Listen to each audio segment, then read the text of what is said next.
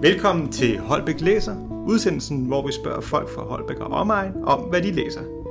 Mit navn er Anders Sejrø, og jeg er fra Holbæk Bibliotek. Og i dag er jeg besøg hos øh, Bente Mihan hernede på Kanalstræde i Holbæk på administrationsbygningen i Holbæk Kommune.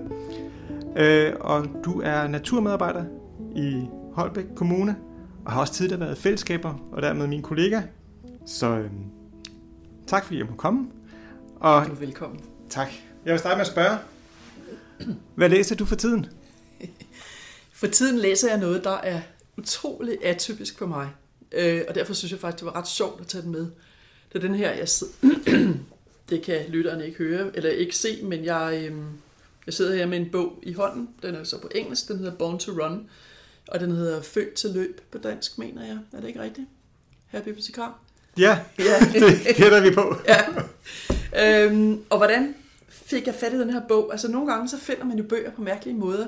Jeg sad faktisk og så første sæson af Orange is the New Black på Netflix. Ja. Og så sad hovedpersonens kæreste i fængslet og læste en bog. Hun læste hele sine bøger.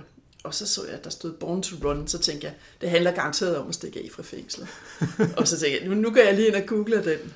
Og så fandt jeg ud af, at det gjorde den overhovedet ikke. Og øh, så endte jeg med at få fat i den og læse den.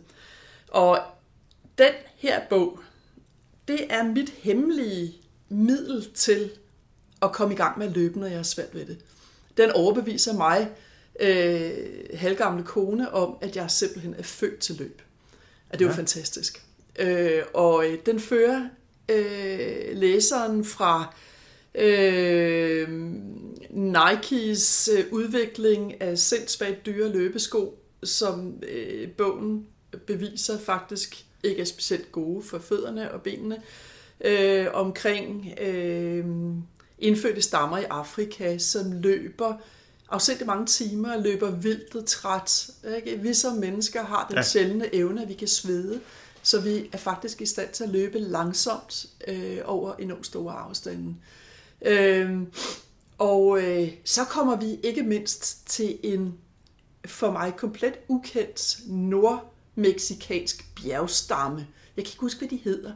Men de her indianere, de er blandt andet kendetegnet ved, at de spiser enormt mange chiafrø, og så løber de hele tiden. At de synes, det er enormt sjovt at løbe. De løber for sjov, og de løber, når de sådan skal fra A til B af en eller anden grund.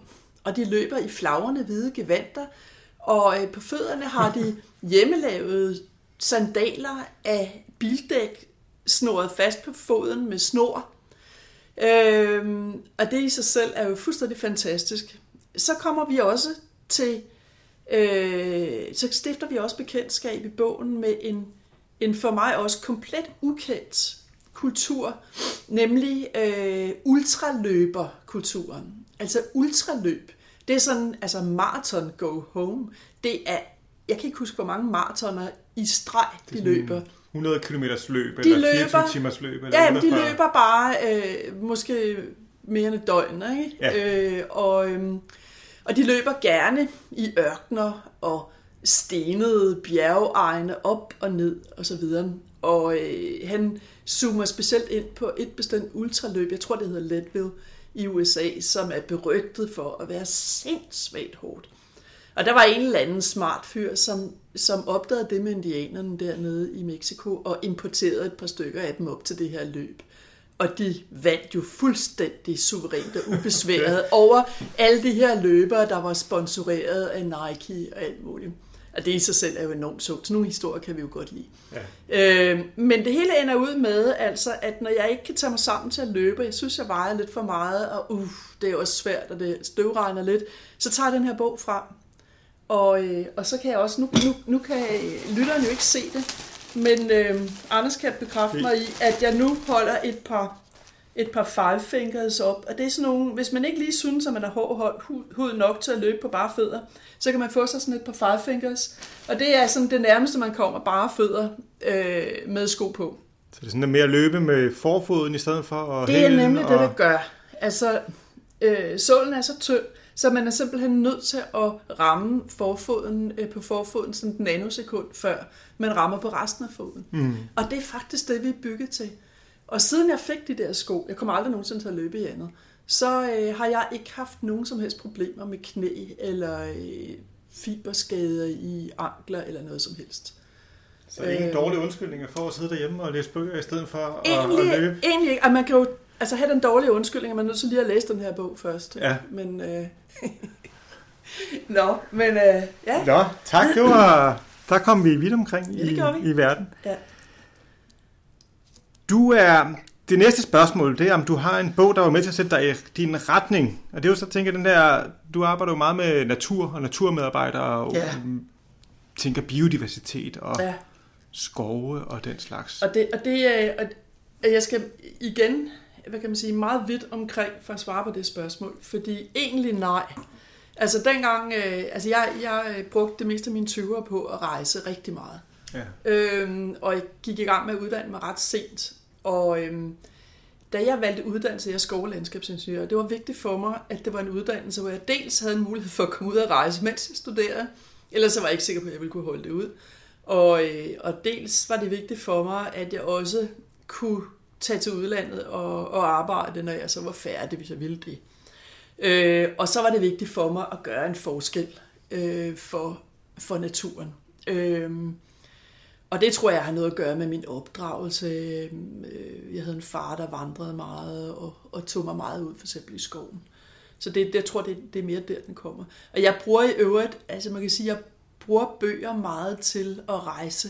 Så jeg læser gerne bøger fra alle mulige mærkelige steder. Er det så rejsebøger, eller er det så Nej, romaner? Om... Det, det, det er gerne romaner, og ofte er den lidt mærkelige slags, øh, som simpelthen gør, at jeg, det er næsten som at rejse. Ikke? Altså ja. jeg får indblik i en eller anden kultur og en eller anden øh, måde at tænke på, og, og også gerne øh, altså beskrivelser af landskaber og alt sådan noget der. Ja.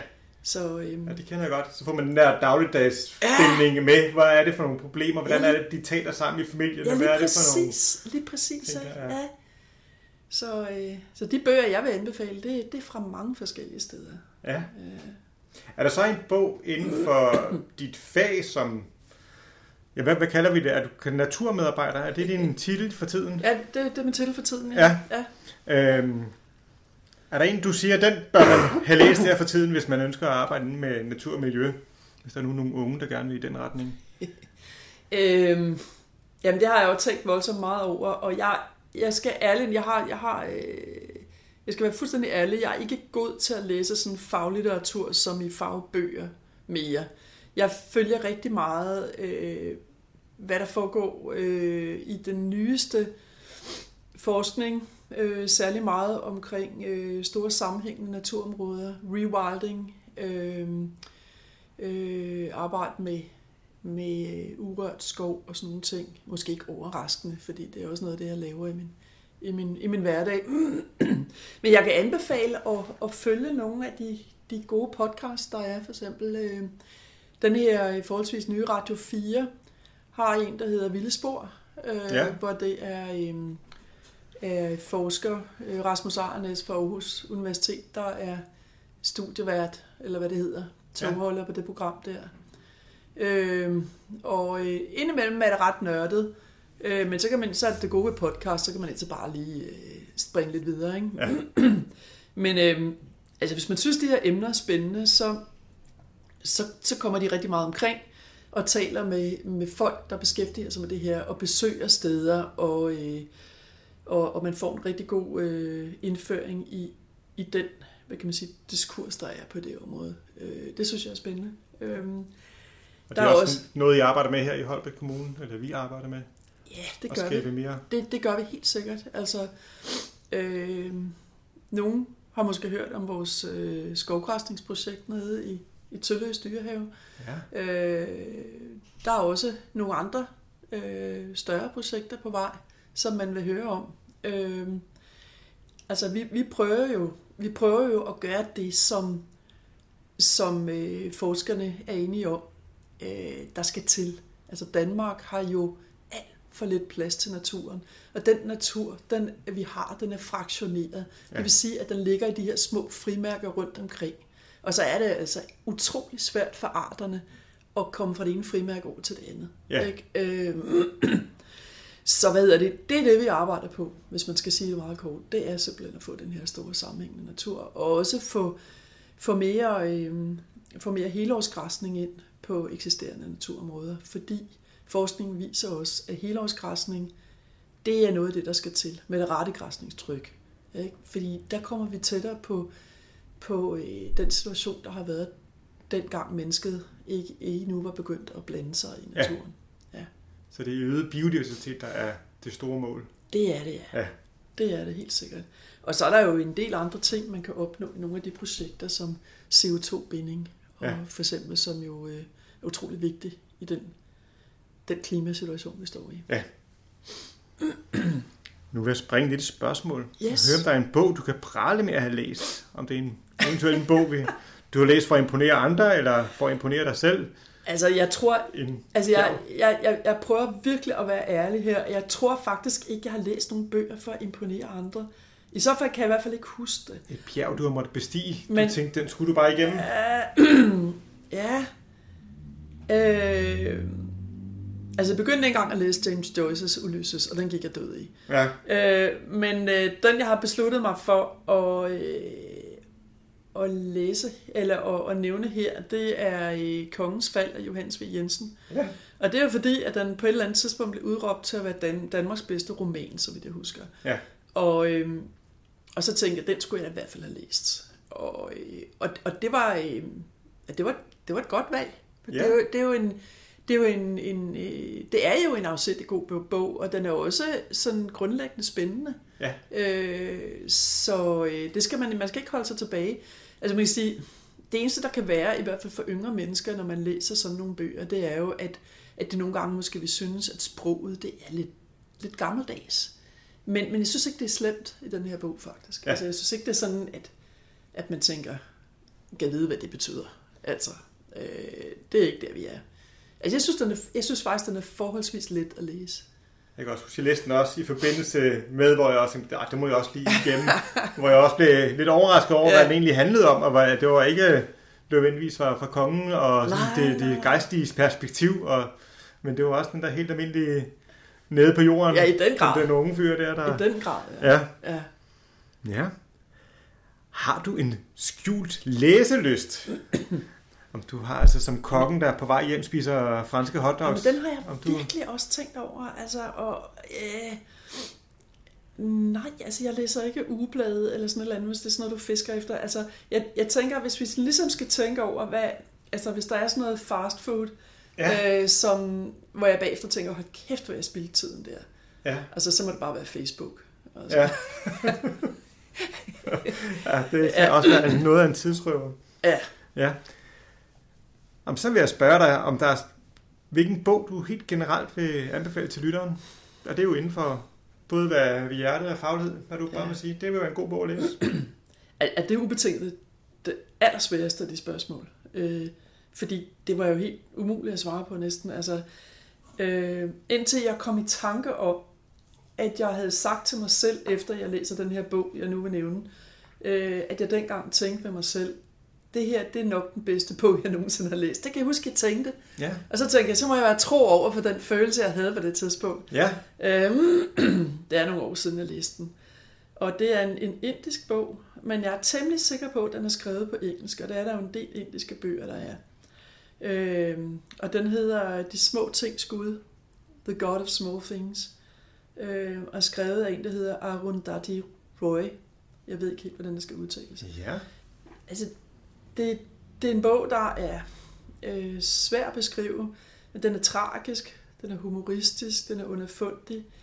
Øhm, den handler om børns liv og tanker. Det er sådan nogle af de små ting, de små ting skud, øh, som udfordrer de store ting, som for eksempel er det indiske kastesystem. Ja. Øhm, men egentlig så er det ikke handlingen i den, som jeg vil fremhæve, men men det, som, som for mig er det, der adskiller, meget ofte adskiller gode bøger fra dårlige, det er, at den har det mest fantastisk poetiske, sanslige sprog. Mm. Altså hver eneste sætning er en fornøjelse at læse. Ja. Øh, jeg ved ikke, om du, du har læst sådan nogle bøger, hvor man tænker, det er nærmest ligegyldigt, hvad det handler om, fordi sproget er bare en fryd. Ja. Ikke? Øh, altså det er som en stor kunst med ord. Ja. Det er sådan, jeg vil beskrive den bog. Ja. Så hvad enten man interesserer sig for Indien eller noget som helst, det, det, det, glem det, og bare læs den. Det er en udfordring. Ja. der er- Og hvis du på nogen måde kan, så læs den på originalsproget. Altså ikke indisk, vel, øh, som ikke et sprog, men, men engelsk. Ikke? Ja. Øh, fordi øh, jeg, jeg, jeg, jeg har bare svært ved at forestille mig, øh, at den kan være lige så god i en oversættelse. Ja. Og den er ikke svær at læse på engelsk, synes jeg. Ja. Øh, det, var, øh, det var bogen. Men jeg havde mange overvejelser. Øh, og jeg kan jo godt lide at anbefale bøger fra mange mærkelige steder Der i er verden. måske flere upcomings, du vil, der lige skal med i... Ja, men altså, en af de bøger, der var med til at få mig til Sydamerika, for eksempel, jeg har rejst rigtig meget i Ja. Sydamerika, det er sådan en, en, en bog af en, en kult forfatter fra 60'erne, går ud fra, eller 70'erne, jeg er ikke helt sikker. Det hedder øh, Peter Madison, eller ja. Mathisen, jeg ved ikke, hvordan det udtales. Øh, og, øh, og det er en bog, som i hvert fald på engelsk hedder At Play in the Fields of the Lord. Ja. Og den har været øh, filmatiseret på et tidspunkt med blandt andet Tom Waits i hovedrollen, som jeg er kolossalt stor fan af. Så Ja. Jeg kunne godt lide den filmatisering, Ja. den fik noget kritik. Men, øh, men den der bog, den er, den er ret vild, øh, og den handler øh, om, om, om kriminelle og, og indianerstammer og præster og alt muligt ude i junglen øh, Okay, i ja. Øh, og øh, ja. Hmm, Spændende. ja. Jamen, så til, til sidst, så vil jeg spørge, hvilken bog du vil anbefale til dig selv? Hvad er du skal have læst næst, som du har på, ja, på listen? men der, der er vi måske næsten inde og ramme noget faglitteratur.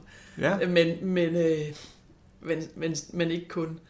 Altså, øh, Rasmus Ejernes, som jeg nævnte før, øh, den her øh, forsker øh, inden for biodiversitet, øh, han har skrevet en bog, der hedder Den uendelige have, øh, og det handler meget om, om øh, det her med, hvordan du kan få mere biodiversitet i din egen have.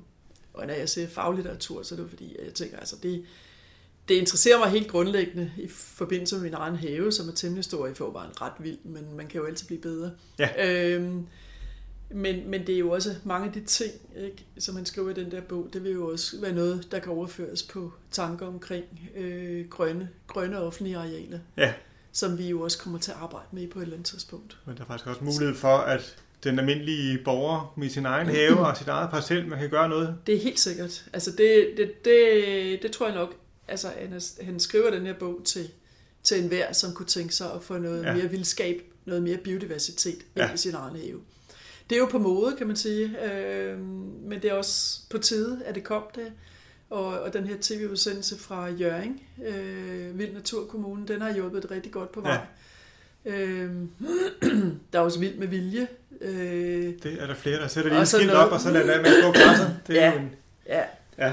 Og der kan jeg også, altså jeg kan også anbefale, øh, hvis man interesserer sig for sådan noget, og altså der er nogle rigtig gode Facebook-grupper for eksempel. Ja. Øh, der er Vild med Vilje, øh, Facebook, jeg tror, og jeg ved ikke om der er flere Facebook, Facebook-grupper, der hedder det.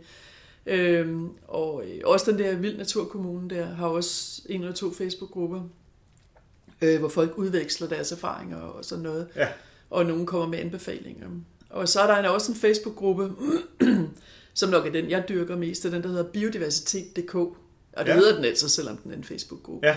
Men det der, hvor, hvor nogle af, hvad kan man sige, nogle af guruerne inden for biodiversitet, de, øh, de øh, diskuterer med hinanden, og så kan vi andre sådan almindeligt dødelige blande os en gang imellem.